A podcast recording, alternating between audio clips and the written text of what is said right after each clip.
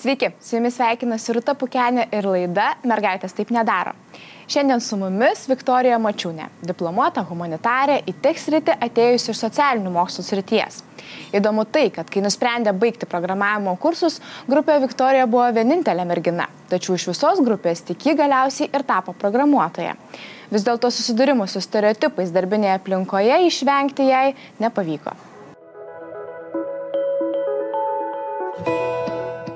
Sveiki, Viktorija. Sveiki.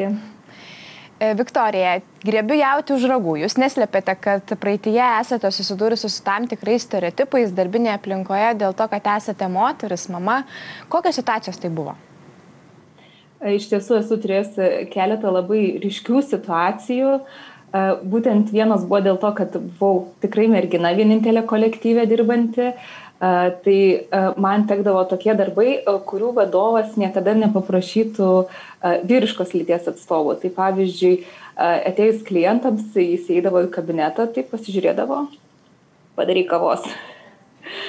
Arba tokie dalykai kaip torto pjaustimai. Manęs net neprašydavo, kad reikia tortą supjaustyti. Jis būdavo padėtas pas mane ant stalo, padėta mentelė ir jau turėjau žinoti, kad tas tortas turės būti supjaustytas. Ir visi laukdavo, kol tai bus atlikta. Tai vat tokios neįtin malonios patirtis buvo iš tiesų, daug klausimų vidinių sukėlusios apie tai, būtent apie tuos vaidmenis ir kodėl, jeigu dirbam kolektyviai lygiai vertiškai, kodėl vis tiek tam tikri darbai yra priskiriami ir paliekami daryti vat, būtent merginai esančiai kolektyvė be jokių klausimų ir atrodo, kad tai jau savaime determinuotos situacijos, kur net neturėtų kažkam kilti klausimų, kad tą turėtų daryti kažkas kitas, o ne vat, mergina dirbanti kolektyvė. Uh, lygiai taip pat susis susidūrusi su situacija, kai įsidarbinusi naują įmonę netrukus susirgo mano dukra ir turėjau pasimti nedarbingumą. Tai sulaukiu iš vadovo skambučio, kad kaip čia suprasti, ar tu dirbti nenori, ar tau nepatinka tas darbas, kad tu įminė darbingumo latelį ir panašiai.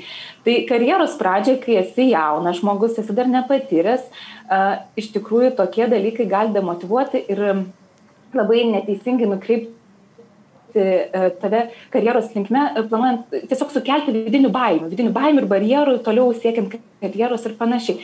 Bet eigoje, kai tu esi subrendęs žmogus, pasiekęs tam tikrą amžių ir vidinę brandą, tai tiesiog tu supranti, kad tai netitinka tavo vidinė kultūra ir įmonės kultūra ir, ir keliai tai galiausiai išsiskiria. Tai tokios ryškesnės patirtis man buvo. Bet Viktorija, jūs iškėlėt labai daug gerų klausimų, kodėl būtent tos pareigos kaip torto pjaustimas ar kažkokie tai administraciniai galbūt dalykai įmonėje yra nukreipiami būtent moteriams. Ar esat savo atsakius iš tos klausimus, ar pavyko atsakyti, ar čia tiesiog, kaip manot, buvo vienos įmonės pavyzdys? Aš labai norėčiau tikėti, kad tai buvo vienos įmonės pavyzdys, nes būtent visi tie dalykai ir nutiko toje vienoje įmonėje. Daugiau aš su tokiais dalykais nesu susidūrusi ir manau, kad tai buvo tiesiog kažkokie gal e, vadovo auklėjimo dalykai perėjai darbinę aplinką ir panašiai, vat, sunku pasakyti. E, bet aš kaip, kaip žmogus, kaip, kaip mergina visada su tokiais dalykais ir viduje kovodavau ir, ir šeimoje, kai su vyresnio amžiaus žmonėmis vykdavo diskusijos, ką turi daryti moteris ir ką turi daryti vyrai. Tai man niekada tai nebuvo primtina. Man niekada nebuvo primtina vaidmenų skirstimas paremtas lytimi ir darbų skirstimas paremtas lytimi, ypatingai tokioj e, atmosferoj, kaip, kaip darbinė atmosfera, kur ten turėtų būti daugiau profesionalumo ir patirtimi, patirtimi paremti, nežinau, kažkokie užduočių pasiskirstimai ir panašiai. O kaip manote, ar moteris dirbančios tech srityje vis dar susiduria su įvairiais mitais, ribotais įsitikinimais, su to susijusiamis baimėmis? Kokias istorijas iš tech srityje dirbančių moterų jūs girdite, kas kelia daugiausiai problemų? Turbūt pasišnekate ir su kolegėmis. Man vėlgi aš aš kažkaip tikriausiai šito pokalbio metu labai daug kartų naudosiu žodį pasisekė, nes e, dirbant, kadangi jau dešimt, beveik dešimtmetį dirbu IT sektoriuje ir pakeičiau keletą įmonių, tai buvo tiek mažas IT įmonės, tiek, tiek, tiek tarptautinės IT įmonės. E, ir rimtų moterų kolegių tiek programavimo srityje, e, tiek administracinėje srityje IT sektoriuje dirbančių, žinokit, net, netenka diskutuoti ir netenka uh, neteko girdėti, kad būtų kažkokie sunkumai būtent šiame sektorėje susiję su tuo, kad esi moteris. kad atėjai į programavimą ir panašiai. Kaip tik sakyčiau, kad dirbam labai palaikančioj ir labai palaikančioj ir atviroj kultūrai. IT sektorius labai atviras ir, mm, nežinau, tikrai, tikrai neteko tokių, tokių istorijų išgirsti, su jom, jomis dalintis ir spręsti, kągi dabar čia daryti, kad būtų kitaip. O jūs pati esate diplomuota humanitarė, dirbate socialinių mokslų srityje. Gal galite plačiau papasakoti apie savo gyvenimą iki posūkio į tech? Taip, žinoma, galiu. Buvo, e, kiek save atsimenu, nuo paauglystės visada įsivaizdavau, kad esu ir buvau tvirtai įsitikinus, kad esu absoliuti humanitarė. Ir man lengviau pasidarė mokyklos metais kvepuoti tada, kai uh, buvo 11-12 klasės profiliavimai, kai mes profiliavomės į humanitarinę labiau pusę arba į tiksliuosius mokslus. Ir tada e, jau tos tie paskutiniai dviejai metai e, aš lengviau atsikvėpiau, nes nebeliko tokių e, dalykų kaip fizika, chemija, sustiprinta matematika. Mano visi dalykai buvo visiškai humanitariniai. Tai kalbos, istorija, geografija, tokie visiškai lengvi paprasti dalykai. Ir save ateitį taip pat įsivaizdavau psichologijos vaidmenyje, dar kaip, kaip antra, antraeilį vaidmenį, tai būčiau galvojus apie filologiją. Taip ir padariau, stojau į psichologiją, įstojau į sociologiją ir visus, visus keturis metus bakalauro ir vėliau magistro studijų baigiau sociologijos srityje, kas man labai patiko, nes e, įsivaizdavau, kad viskas, kas mane domina, tai yra būtent apie žmogų, apie tai, kaip žmogus masto, apie tai, kaip žmogus elgesi, apie tai, kaip su tuo žmogumi, e, kas, ką, ką su tuo daryti. E, tam, kad apsupčiau save dar smarkiau tokiais žmonėmis kaip aš, tai dar savanoriavau vaikų linijoje kelis metus. Tai ten buvo dar visiškai e, e, gilesnis nerimas į tuos visus psichologinius ir sociologinius niuansus. Taip pat studijų metais, kadangi visiškai kaifavau nuo to, ką studijavau, tai papildomai rengdavau ir studentų moksliniam konferencijom straipsnius, dalyvaudavau tose konferencijose, žodžiu, buvau visiškai pasinėrusi į socialinių mokslų sritį. Absoliučiai. Ir kažkaip net mintis nekilo, kad kada nors kažkaip pasisuks viskas kitą linkmę, bet pasisuko. Bet nuo sociologijos, psichologijos, savanorystės iki technologijų, kaip ir kodėl susižavėjot būtent tech sritimi? Vėlgi čia nebuvo nebuvo nei meilės iš pirmo žvilgsnio, nei, nei didelio žavesio. Ir atsirado um, mano pasukimas į IT sritį, atsirado grinai iš šeimininio poreikio, e, nes mano vyras yra programuotojas, e, jisai kurį laiką buvo laisvai samdomas programuotojas, paskui pradėjo plėsti savo uh, tą, kaip čia, ratą žmonių, kurie su juo dirba, pradėjo plėstis uh, užsakymų, užsakymų ratas ir uh, tam, kad jam nereikėtų atitraukti dėmesio nuo programavimo, kūruojant projektus, kūruojant projektus ryti, e, tai jis tiesiog paprašė mano pagalbos ir aš taip atėjau į tą IT sektorių visiškai savo mokslę, pagalvojau, kad gal tai nėra taip toli nuo to, ką studijavau, vis dėlto kuravimas, bendravimas su žmonėmis, bendravimas su programuotojais, procesų suvaldymas, tai dar nebuvo toks labai gilus techninis dalykas, kaip gali, galima įsivaizduoti, nes projektai buvo irgi labai paprasti, tai elektroninių parduotuvių ir svetainių kūrimas. Ne, nebuvo nieko tokio sudėtingo, kad atrodo, atrodytų, jog jau kaip pasinėriau į tą sritį, tai čia jau tik tais bitai, baitai ir skaičiukai laksta ekrane ir reikia suprasti, kas čia vyksta. Gal tai tiesiog net iš natūralaus kaip poreikio. atrodo tas IT projektų vadovo darbas. Šiek tiek užsiminėt, bet iš tiesų labai įdomu, nes yra toks vyruojantis mitas, kad jeigu sukiai IT sritį, tai arba taisysi kompiuteris, arba programuosi kompiuteris. O štai matom, yra daug labai įvairių margų specialybių. Aš sakyčiau, kad nuo tada, kai aš pradėjau um, savo karjerą IT sektorėje, um, taip maždaug prieš septynerius kokius metus, iki šiandien, tai uh, spektras specialybių uh, yra toks platus, kad manau, kiekvienas jau IT sektoriuje galėtų rasti savo vietą tiek psichologijos studijas baigęs, tiek inžinerinės studijas baigęs žmogus. O pats darbas susijęs su IT projektais, tai visų pirma reikia suprasti, kad tų IT projektų yra, aišku, visokiausių nuo, nuo labai sudėtingų inžinierinių sprendimų iki visiškai paprastų. Tai aš dirbau su ta paprasčiausia dalimi, internetinėmis svetainėmis ir elektroninėmis parduotuvėmis. Pas, mano darbas prasidėdavo nuo sutarties, kuri jau ateidavo pas mane techniniai sutarties dalykai būdavo suderinami iš anksto, tą darydavo mano vyras, nes jisai būdavo atsakingas už techninę programavimo dalį ir su klientais ją suderindavo, o aš jau gaudavau viską paruoštą. Tai man reikėdavo įsigilinti į tai, kas, kas yra suderinta su klientu, kokie buvo kliento lūkesčiai, žodžiu, sutartinius dalykus, terminus, funkcijas projekte, svetainėje, kas turi veikti ir panašiai. Ir paskirstyti e, šituos dalykus programuotojams pagal programuotojų įdirbį, patirtį ir panašius dalykus.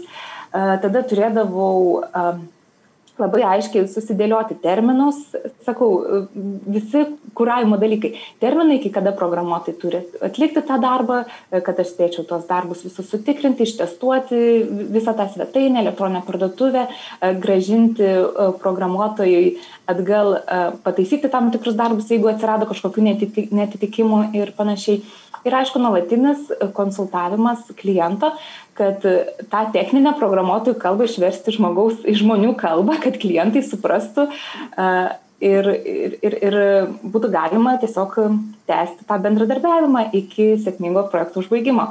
Tai va tokia labai, labai kūravimo sritis, ben, ben, aš tokia jungiamoji grandis buvau tarp kliento ir programuotojo ir toj mano, ir ta, tas viduriukas, kuris išverčia tech kalbą į žmonių kalbą, kuri eina klientui ir grįžta atgal ir vėl į, į tech kalbą išverčia programuotojai. Tai visai įdomus, dinamiškas darbas, nes kiekvienas projektas yra skirtingas, kiekvienas klientas yra skirtingas, e, yra vietos tobulėti, yra vietos kleistis ir pakankamai įdomis rytis. Bet IT projektų vadovė, jau tai galėtume sakyti, yra drąsu. Tačiau jūs ties šio žingsniu nesustojote, baigėte web kūrimo mokymus ir pakeitėte profesiją iš IT srities projektų vadovės į programuotojas. Kas paskatino priimti šį sprendimą?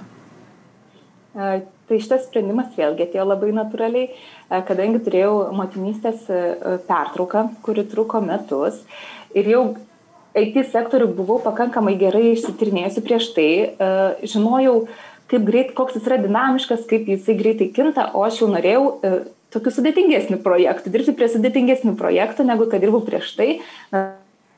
Natūraliai norėjau aukti savo srityje ir supratau, kad tam jau man reikia to techninio backgroundo, kurio aš neturėjau, nes vis dėlto e, buvo tam tikrų e, spragų e, ir, ir kitų dalykų, kurių nesupratau ir atsirado poreikis iš pagrindų suprasti, kas ten vyksta tame to, toje kodo dalyje, prie kurios aš niekada ne, neprisiliečiau.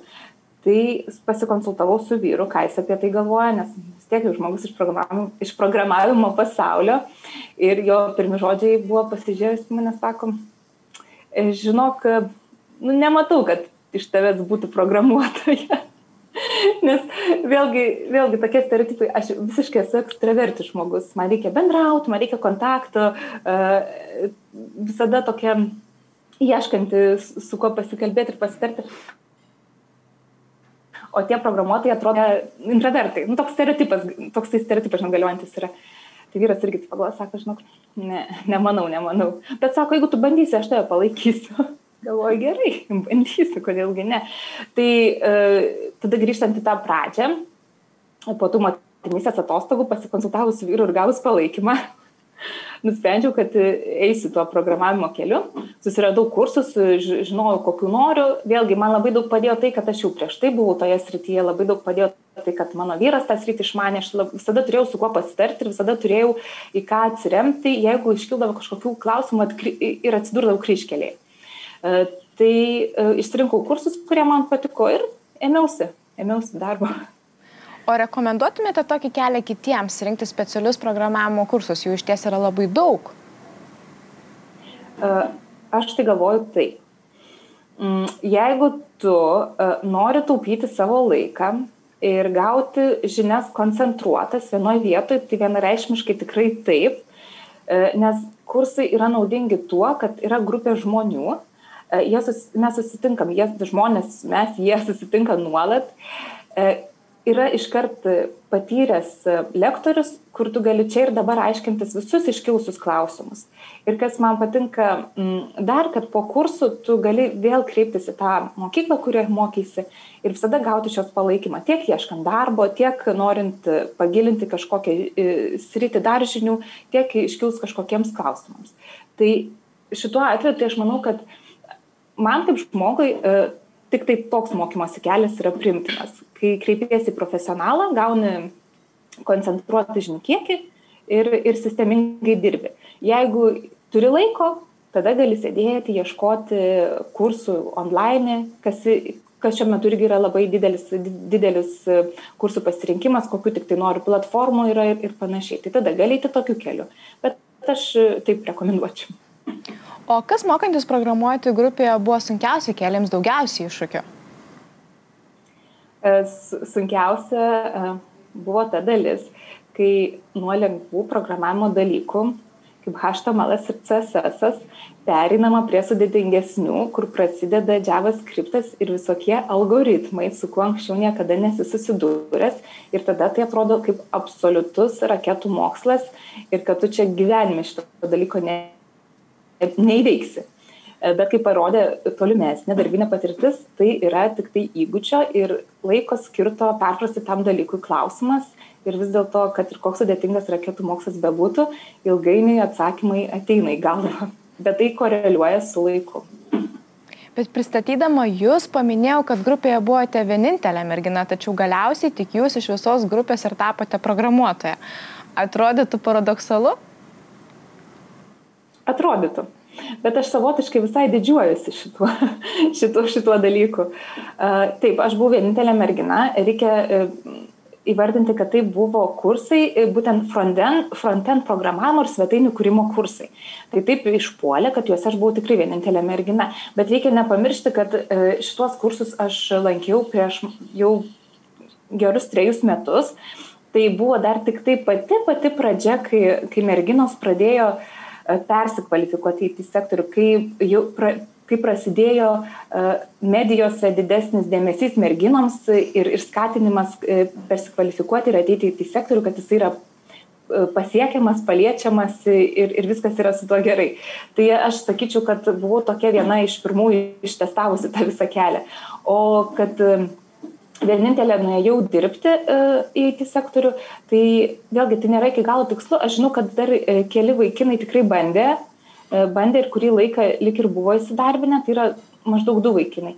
Bet bandžiau pasitikrinti, kaip jiems sekasi šiandien, kiek mačiau, jie jau programuotojais nebedirba tai iš esmės iš visos grupės mano žiniomis taip aš it sektoriuje esu išsilaikiusi kol kas vienintelė bet vėlgi e, manau kad tai yra visiškai susiję su tuo kad aš jau prieš tai jame dirbau e, turėjau savo socialinį ratą e, labai gerai pažinojau IT rinką, žinojau, į kokias įmonės nori eiti, kas, kokias įmonės su kokiais produktais dirba ir mano darbo paieška buvo pakankamai tikslinga, nors truko labai ilgai.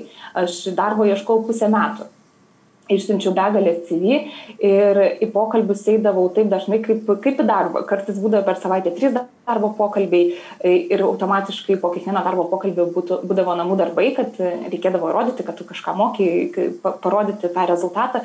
Būdavo namų darbai, kurie trukdavo savaitę. Tai tas e, darbo, darbo paieška yra labai intensyvi ir reikia būti teisingam ir atviram jeigu tu neturi finansinio amortizavimo kas visą tą laiką tave gali išlaikyti kol tu ieškaisi to darbo kol tu pagaliau atitinki minimalius rinkos reikalavimus ir ir gali į ją įsilieti tai natūraliai sunkėja sunkėja tavo galimybės tą darbą susirasti nes tau reikia iš kažko duoną valgyti.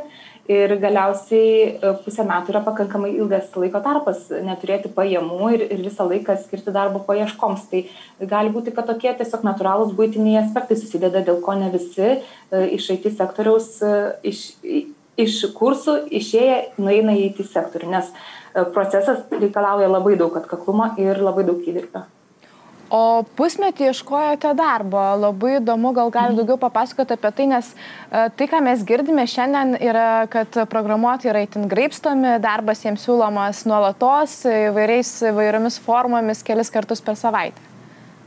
Tai kokia ta realybė? E, aš manau, kad realybė yra labai e, panaši, kaip jūs ką tik įvardinot.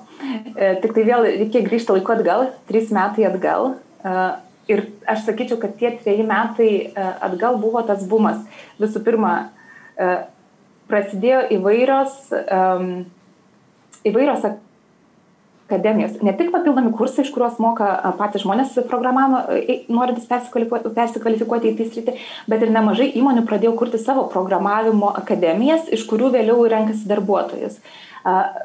IT sektorius pakankamai išaugo, bent jau Kauno mieste, tiek pat ir, ir, ir Lietuvos Norvegos kontekste, nes pradėjo kurtis į, įvairūs startupai, atsirado nemažai e, užsienio kapitalo įmonių. Būtent tokie man tri, trys metai tai yra tokie, viskas pradėjo vykti vienu metu. Ir prieš tos tris metus, kai aš ieškojausi darbo, tai dar nebuvo, atrodo, taip, taip lengva tai padaryti ką tik baigusiam studentui ir ką tik, ką tik persikvalifiku, persikvalifikavusiam asmeniu, kaip tai yra, atrodo, paprasta ir lengva padaryti dabar, nes įmonės yra daug atvesnės e, nepatyrusiems darbuotojams su idėja, kad juos tiesiog užsiaugins patys. Ir aš lygiai taip pat man e, be galo pasisekė, kad aš būtent pakliuvau į tokią įmonę kuri buvo visiškai atvira ką tik baigusiam studijas žmogui, ką tik persikvalifikavusiam žmogui ir sudarė absoliučiai visas įmanomas sąlygas toliau aukti programavimo srityje. Tai realybė tikrai yra dabar tokia, kokią jūs įvardinat, bet ji nebuvo tokia prieš trejus metus, kai aš pradėjau savo darbo paieškas. Bet e, kai jūs pradėjote savo darbo paieškas ir galiausiai susiradote tą darbą, žinau, kad vienu metu buvote pirmoji mergina programuotoja vienoje įmonių. Tokios patirtis džiugina ir kiek liūdina. Gal galite prisiminti, kaip atrodė tuo metu jūsų karjeros e, programavimo srityje pradžia? Aišku, e, aš labai labai apsidžiaugiau, kad būdama mergina, nes tiesą pas, pas, atvirai sakant, ieškodamas darbo, iš tikrųjų šiek tiek kompleksavau, kad esu mergina ir dar e, ką tik persikvalifikavusi IT sektorių, į programavimą konkrečiai ir gavau įdomu, kaip tai atrodo mano CV, kai, kai e, personalo ten vadovas, žmogus, kuris atsakingas už darbuotojų atranką, e, skaito tą CV ir mato, kad, aha, čia mergina tiek laiko buvo ten sociologija, magistras sociologijos ir staiga jinai tapo programuotoja. Ir iš tiesų kompleksavau įdama į darbo pokalbius, e, kaip, kaip į mane pažiūrės, kaip save pateikti ir, ir kaip čia įrodyti, kad aš galiu, nors dar ir, pačiai baisu ir nesu, ne, ne, iki galo nežinai, ar tikrai gali. ar tikrai gali, ar tikrai būsi ta gera programuotoja, nors tikėjimo daug ir noro daug. Mm, tai gavas taip, kad e, atėjus į tą pokalbį tarptautinėje įmonėje, iki tuo metu vėlgi papuoliau ant jos didelio plėtimosi, ant vieno iš naujo produktų kūrimo, kuriems reikėjo, be galo reikėjo darbuotojų ir pats pokalbis buvo labai šiltas, tiek techninė dalis, tiek, tiek tas, tas socialinė soft dalis vadinamoji. Darbą aš gavau, vėlgi didžiavausi, kad esu pirma mergina įmonėje, kuri dirbs prie kodo. Uh, E, bet tai truko labai neilgai, nes šiuo metu programuojančių kolegų toje įmonėje yra tikrai nemažai ir, ir aš ten gal tik tai kelis mėnesius ir pabuvau vienintelė programuotoja mergina. Ta titulą pasinešiojo, paskui jau teko dalinti su kolegėmis. O ką sakė jūsų vyras, kuris iš pradžių dvėjojo, kad gali tapti programuotoja? Aha, jisai, jisai nuleido akis, sako, tikrai nesitikėjau, sako, nesitikėjau, kad šitaip viskas pasisuks tai man širdį glausto, glausto, negali sakyti, kad yra kitaip. O du programuotojai namuose lengva, paprasta ar iš tiesų sudėtinga? Kyla dėl tų kažkokių iššūkių? Ne, iššūkių nekyla, žinokit. Aš tai galvoju, kad e, čia yra tobula, tobulas tandemas, e, nes abu suprantam, apie ką eina kalba, abu domimės e, IT pasauliu Lietuvos ribose, kas vyksta užsienio rinkose kai, kokie produktai išeina. E, galų gale galim diskutuoti apie paprastus dalykus kodo rašymo aspektais, kaip, kaip padaryti geriau vieną dalyką ar padaryti geriau kitą dalyką. Tai dabar gaunasi taip, kad aš su IT gyvenu visada tiek darbe, tiek grįžus namo. Ir man tai, man tai tinka, mano, mano vyrui irgi tinka. O kokios dabartinės yra jūsų pareigos, kas jūs labiausiai žavė dabartinėme jūsų darbe?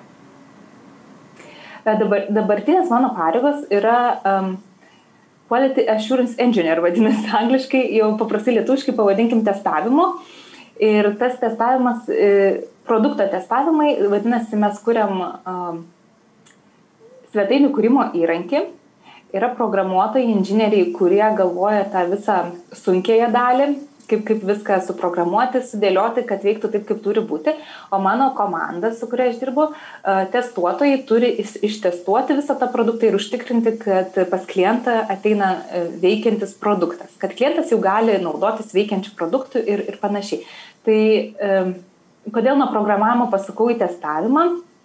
Tai vėlgi tikriausiai labai daug lemia ir mano asmeninės savybės, e, kadangi e, galiausiai pro, programuojant ir augant įmonai ir augant pačiam produktui buvo prieita iki tokio lygio, kad tu jau sėdi ir programuoji labai mažą jo dalį ir nebematai visumos.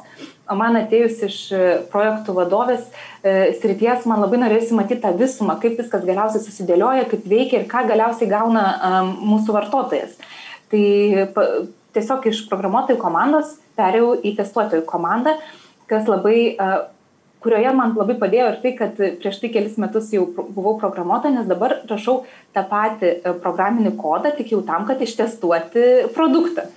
Tai pakankamai dinamiškas darbas jau ir, ir įdomus ir prie to pačio produkto iššūkių yra. Negana to, jūs kartu ir mentoriaujate, gal galite papasakoti apie tai, kokiu lūkesčiu turi teks rytį planuojančios pasukti moteris, kas jiems kelia daugiausiai problemų, nerimo? E, čia aš jūs pataisysiu, aš tikrai nementoriauju. E, greičiausiai kilo, aš nementoriauju, aš dalyvavau mentoristės programoje, kur pati turėjau mentorių. Mhm. Ir ten mūsų buvo nemaža grupė merginų, berots iki šimto. Visos, kurios ketina persikvalifikuoti į IT sektorių, tuo metu aš kaip tik baigiau programavimo kursus ir nuėjau į tą mentoristės programą. E, ir to merginom buvo, pas, mums visom buvo paskita po mentorių ir su to mentoriumi mes turėjome e, eiti savo persikvalifikavimo kelią iki IT. O kokiu lūkesčiu turi merginos, tai aš į tą klausimą galiu atsakyti, nes mes visos diskutuodavom, kalbėdavom apie tai, kaip mums sekasi, sekdavom vieną kitos istorijas. E, labai paprastų. Visų pirma, prieš per, persikvalifikuojant labai norisi pajusti, ar tu pats kaip žmogus gali dirbti IT ar teks rytyje, ar tu ar visų pirma, ar tavo vidinės savybės, tavo charakterio savybės ir įgūdžiai iki tol įgyti, gali padėti toje srityje siekti karjeros. O visa kita jau yra detalės, e, kuriomis tu aplipdai savo jau turimą tą asmenybę. Tai ir aišku, visada norisi palaikymo, kad e, viskas bus gerai. Baimių labai daug, bet palaikymas, kuris ateina iš mentoriaus, yra tikriausiai kertinė ta dalis, dėl ko merginos nenuleidžia rankų ir vis dėlto eina iki galo. Man netgi teko girdėti išvalgą, kad teks rytis po truputį atgaivina pameistrystės idėją. Turiu menėje, kad mentorius ar net keliai jų čia yra labai svarbus. Jūs irgi apie tai šiek tiek esate užsiminusi. Kiek svarbus, pradedant kažką naujo, teks rytyje yra gero mentorius vaidmuo ir gal čia, kaip jūs minėjote, galėtų būti atsakymas mums daugiau mentorių ir taip pritrauksime daugiau merginų į teks rytį? Aš žinokit, visiškai sutinku su šitą sritimi, kad mentorių reikia ir kuo jų bus daugiau, tuo, tuo greičiau žmonės atėję į sektorių tobulės. Mm, kitas dalykas, aš per savo IT karjerą turėjau kelis mentorius. Tai visų pirma, pirmasis mentorius mano vyras, kuris pačioj pradžioj nukreipė mane į, šitas, į šitą sritį. E, kitas dalykas, e, kad programu, programavimo kursų metu aš lygiai taip pat galėjau į jį kreiptis ir uh, suprantat, buvo tokių visiškai naujų dalykų, kur ieškoti informacijos. Čia niekam nepaslaptis, kad e, programuotojas, kurdamas, rašydamas kažkokį kodą, labai daug googlina ir ieško tam tikrų pavyzdžių, implementacijų, implementacijų įgyvendinimų ir kitų programuotojų patirčių, kuriomis jie dalinasi e, forumuose ir bendruomenės ir panašiai. Tai man e, vyras padėjo pamatyti, ir suprasti, kaip, ta, kaip tos informacijos reikia ieškoti, kaip programuotojai ieško savo informacijos, kur tie yra pagrindiniai šaltiniai ir kuo galima pasitikėti, o kuo nereikia pasitikėti. E, kitas mano mentorius buvo atėjus dirbti į įmonę, priskirtas programuotojas, kuriu, kaip čia, kuris man buvo kaip prievaizdas, kuris tikrintų mano rašomą kodą, pakreiptų, e, pakreiptų kokie linkme reikėtų dar patobulėti, kas jame yra visiškai negerai ir kurie aš visą laiką galėdavau kreiptis iškilus klausimam, nes klausimų būdavo begalės ir tai yra visiškai normalu, kai tu e, baigęs programavimo kursus ateini į įmonę ir tave pastato dirbti prie normalaus veikiančio produkto. Ir paskui E, man dar teko baigti vienos įmonės e, irgi programavimo akademiją, kur, kaip jūs įvardant, buvo net keli mentoriai, nes kiekviena tema kiekviena su programavimu susijusi tema buvo dėstoma vis kito darbuotojo, įmonėje dirbančio darbuotojo. Tai jau galima sakyti ke keli mentoriai, kuriuos kiekviena tema gali kreiptis. Ir galiausiai e, įsidarbinusi dabartinė įmonė, kur, kur šiuo metu dirbu, mūsų buvo pakankamai daug junior lygio programuotojų, kadangi įmonės kultūra buvo mums atvira ir, ir kaip minėjau, siekė mus tokius, ką tik iškeptus žalius programuotojus už, užsiauginti, tai mes turėjom, turėjom kelis senior programuotojus, kurie vėlgi tikrindavo mūsų kodą, pakreipdavo tinkamą linkmę ir iškilus bet kokiam klausimui, kad ir pačiam kvailiausiam, galėdavom į juos kreiptis ir būdavom užvedami ant kelio. Tai turint omeny dar, kad pati programavimo sritis yra tokia, dirbant prie produktų, kad niekada negali parašę savo kodo jo dabar nežinau, kaip, kiek čia techniškai galiu kalbėti, kad, su, kad tie, kas klausys, suprastų. Bet esmė yra tame, kad e, kodas į gyvenimą niekada nėra paleidžiamas tol, kol du tavo kolegos to kodo neperžiūri. E, du kolegos peržiūrėjo kodą, tau suteikė pastabas, e, atitinkamai tu tą kodą pataisi ir panašiai. Tai irgi yra mentoristės forma. Ir tai yra augimo, komandos augimo kartu forma. Tai vat, aš apibendrinant visą tai, ką, ką, ką dabar vat, pareflektavau, tai mentorius atrodo visiškai svarbus, nes teisingai aukti, teisingai aukti įmonėje, aukti taip, aukti tokia linkme, kokio specialisto įmonėje reikia, mentorius nu, yra viskas, į ką tu gali atsiremti. Tai tiek, kiek aš dirbau IT sektorėje, dabar jau yra ant treti metai eina, tai mano kelias visada buvo lydimas mentoriaus. Tai Viktorija, labai ačiū už tai, kad pasidalinate savo patirtimi ir aš e, tikrai tikiuosi ir tikiu, kad tos moteris, kurios suksi teks rytį, ras gerą mentorių, kurio, kuris palydėtų šiuo keliu. Aš jums linkiu šito labiausiai. ačiū Jums dar kartą už pokalbį. Ačiū ir tau.